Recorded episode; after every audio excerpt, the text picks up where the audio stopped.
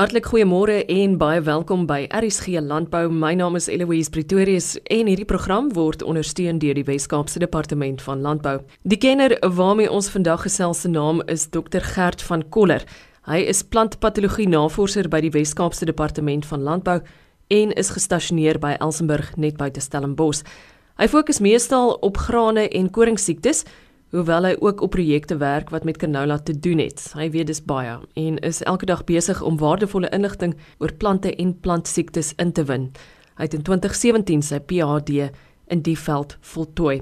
Sy teses het gehandel oor kroonvrot in koring. Ek het hom uitgevra oor die belangrikheid van uitgebreide kennis rondom plantpatologie en wou ook spesifiek hoor oor die voorkoms van poeieragtige meeldou op koring in ons land. Die rede kom plantpatologie belangrik is is dit lei tot ekonomiese verliese vir die boer en groter ekonomiese las vir die gebruiker op die einde van die dag.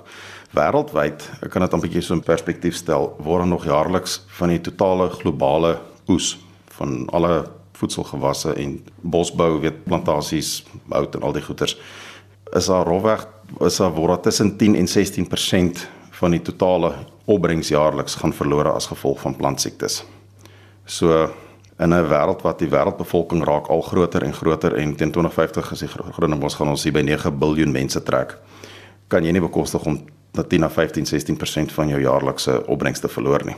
So dit in 'n kort nette dop is hoekom plantpatologie belangrik is. Op koring die laaste in die Wes-Kaap die laaste paar jaar het ons veral laas jaar het ons 'n groot epidemie gehad. Die boere praat van witroes op koring. Dit is eintlik verkeerd. Dit is nie witroes nie, dit is poeieragtige meeldou. Dit klink nou of dit net akademiese puntjie is, maar witroes is 'n siekte wat jy op koolgewasse kry. Dit word deur 'n hele ander organisme veroorsaak. Dit is 'n hele ander siekte. So jy, jy kry nie witroes op koring of op grane nie. Jy kry witroes slegs op jou koolgewasse in ehm um, canola insluitend. Die siekte wat ons gehad het is poeieragtige meeldou. Hy is baie baie gasheer spesifiek. Poeieragtige meeldou wat jy op koring kry, sal jy byvoorbeeld nie op gars kry nie. Jy kry poeieragtige meeldou op gars, maar dit word weer deur 'n naby verwante patogeen veroorsaak. Maar die een wat op koring is, kan nie gars infekteer nie en van gars af kan weer nie koring infekteer nie. Plante is ongelukkig die koring is ongelukkig reg hierdie seisoen vandat dit opkom tot solank as wat daar groen weefsel is, is die plant vatbaar. En die ander gemors is die siekte produseer massa spore. Hy, hy voltooi sy lewensiklus in 'n baie in binne 7 na 10 dae. Elke keer as hy sy lewensiklus voltooi, is daar nog 'n hele nuwe massa spore wat vrygestel word wat baie kilometers met die wind kan versprei en nuwe infeksie kan veroorsaak. So 'n infeksie wat jy in die koringland kry, kan van 'n veld van 'n koringland hele klomp kilometers verder afgekom het. En dit is hoekom dit so moeilik is om die siekte te beheer. Hy hou van die siekte hou van ehm um, vogtige toestande, maar dit kan by droë toestande ook oorleef. As byvoorbeeld in die Riversdal omgewing waar dit wat 'n tipiese droë omgewing is, is dit is dit 'n groot probleem. Rede hoekom dit so groot probleem is is omdat dit so, massas en massa spore produseer. Die swam produseer geweldig baie spore en teen 'n baie vinnige tempo. En dit kan kilometers ver versprei en solank as wat daar groen weefsel is, kan dit geïnfekteer raak en dit kan by koeler van koel 15 na tot omtrent 22 23 grade Celsius is ideaal vir die vir die siekte. So dit is hoekom solank en ons het laas jaar omdat die laas jaar 'n bietjie 'n natter jaar was, was die klimaat grootendeels gunstig vir die siekte gewees. So en elke keer as hy as daar weer spore vrygestel word, kan dit kilometers ver met die wind versprei en weer herinfekteer en weer herinfekteer en weer herinfekteer. So dit is hoekom dit so so 'n geweldige probleem was. Dit is moeilik om die siekte te beheer want Die ander probleem met die siekte is dit is daar's geweldige genetiese variasie in die in die patogeen populasie wat beteken daar is amper se individue wat sekere van wat meer weerstandbiedend is teen sekere van gesides en uh, meer vatbaar is vir ander van gesides en daar vorm heeltyd kort kort 'n uh, geslagtelike fase van die siekte wat twee individue is maar soos mense wat twee individue mekaar kom genetiese materiaal uitrol en daar word 'n uh, nuwe nageslag voortgebring. Wat dan gebeur is as een van die twee ouers dan nou 'n groter um, weerstandbiedendheid teen uh, fungisid of selfs teen 'n spesifieke kultivar het, sal die nageslagte nageslag van hom ook daai vermoë hê. En as dit begin versprei met die wind en weer verder, dan kan jy sien dat ewe skielik het jou die fungisid wat nou nog redelik goed gewerk het, werk nou nie meer so goed nie.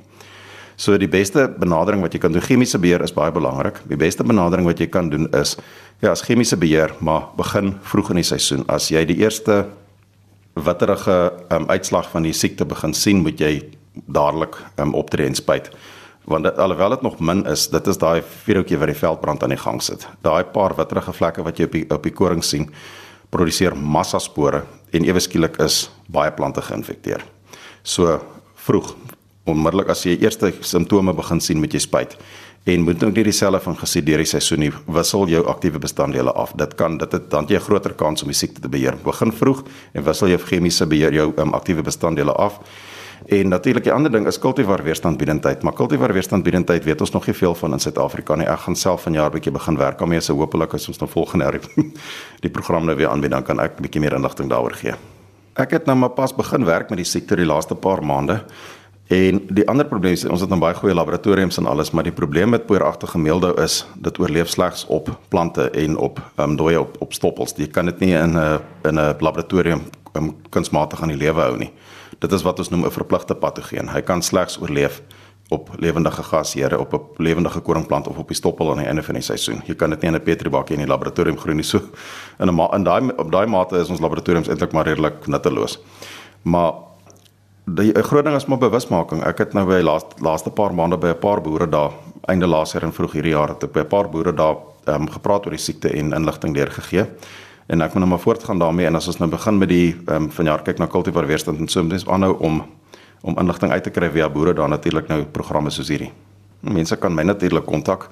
Jy kan die siektekliniek by Stellenbosch Universiteit by die plantpatologie departement daar's ook baie goeie kundige mense daarso.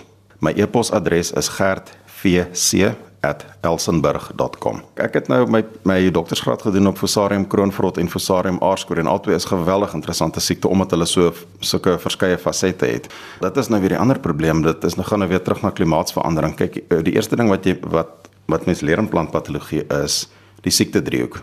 Okay, siekte driehoek het nou baie uitgebrei. Die siekte driehoek basies beteken vir 'n plant siekte om plaas te vind met jy 'n vatbare gasheer hê jy moet 'n virulente patogeen hê, beteken patogeen wat siekte kan veroorsaak en jy moet 'n gunstige omgewing hê. As die drie faktore terselfdertyd op dieselfde plek bymekaar kom, dan gaan jy plantsiekte kry. Ehm um, daar's nou ander goeters natuurlik soos invloed van die mens en klomp ander goeters, maar nou kan jy dink dat uh, praat nou gepraat van gunstige omgewing. Met klimaatsverandering verander die klimaat. So wat is die invloed daarvan op plantsiektes? Daar's al baie werk gedoen daar. Ons het nog nie vreeslik in Suid-Afrika veel werk daarop al gedoen nie, maar wêreldwyd is daar al gewys dat in sekere streke gaan party siektes 'n groter probleem wees, party siektes gaan wegraak of nie minder raak, maar daar gaan weer in party streke weer nuwe siektes begin uitkom omdat die klimaat dan meer gunstig raak vir sekere siektes. So plantsiektes gaan dink ek gaan dit 'n groter probleem word in die toekoms. Man op straat weet dit nog altyd ongelukkig nie altyd nie want hulle kom nooit selde op 'n boer se plaas dat hulle kan sien wat wat gaan aan daar of weet wat aangaan daarso. Jare gelede toe die mense nog meer landelik was, het hulle was hulle baie meer bewus. Daar was nog nie so baie inligting bekend soos vandag oor plantsiektes nie, maar die mense was definitief meer bewus daarvan omdat dit hulle onmiddellike oorlewing aangeraak het. Die bekendste geval natuurlik was die groot Irish famine in Ierland gewees in die 1800s erns dink ek wat meer as 'n miljoen ure dood is aan hongersnood as gevolg van 'n plantsiekte wat hulle um, aardappeloes verwoes het. So dit het veroorsaak dat daar geweldige migrasie van Ierland af na Amerika en ander streke plaasgevind het en dat Ierland se bevolking geweldig afgeneem het. Die beste ding wat mens van plantsiektes kan sê is wat die raad jy kan gee is wees maar bedag. Dit is altyd die beste is wees bedag en ongelukkig baie boere weet nie wie om te kontak nie. So hulle moet mense by die universiteit agente wat hulle vertrou so aan is die beste mense om dan te kontak maar wees bedag kyk vir wat gaan aan kyk wat wat se uitbrake vind plaas en 'n ander belangrike ding is skoon saad gesertifiseerde saad dit is geweldig belangrik. Baie boere hou ongelukkig saad terug. Baie keer is daai saad besmet met patogene en dan kry hulle weer plant hulle besmette saad en dan sit hulle met 'n probleem om te begin mee. Landbou is geweldig belangrik. Dit is ek onthou altyd dis nog by Vryheid Universiteit. Ek het my voorgraads by Vryheid Universiteit gedoen. Voor die landboufakulteit het een of ander daar's 'n aanhaling van iemand ek weet nie wie nie wat gesê het 'n volk wat sorg vir sy landbou sorg vir sy toekoms. Dit het toe ek nog vroeg voorgraads was, dat ek dit my opgeval en dit bly altyd by my. Dit is Landbou is geweldig belangrik. Ander maniere om te stel, mense het mense wat jy nodig het oor jou lewe. Jy het nou once in a while dalk 'n prokureur nodig vir een of ander iets of as jy eh, as jy siek is, 'n dokter so 2, 3 keer per jaar dalk as jy 'n verkoue of so het. Maar prokureur het jy hopelik nie te gereeld nodig nie. As jy nou gelowige is, het jy 'n predikant nou en dan nodig. Ehm um, jy het kundiges nodig, finansiële adviseur het jy nodig nou en dan. Jy het 'n boer 3 keer 'n dag nodig elke dag. Dit is hoekom landbou belangrik is. En dit is die gedagte waarmee ek jou baie graag wil laat vroeg op hierdie Vrydagoggend. Onthou gerus jy is baie welkom om vir Dr Gert van Koller te kontak. Indien jy vermoed daar is dalk poeieragtige meeldou op jou koring of as jy hom dalk net verder sou wou uitvra oor die saak, sy e-posadres is gertvc@elsenburg.com. Daar's ook nog van ons programme wat jy op jou tyd kan gaan aflaai en weer na luister op www.rsg.co.za asook elsenburg.com. Dan wil ek jou graag uitnooi om 'n knoop in die oor te maak en weer in te skakel vir nog 'n aflewering van RSG Landbou môreoggend om kwart voor 12. Ons gesels met die man wat verlede jaar aangewys is as die landbouer van die jaar deur die Wes-Kaapse Landbouskrywers Vereniging. Professor Eugene Kloete is ook visierektor by die Universiteit Stellenbosch.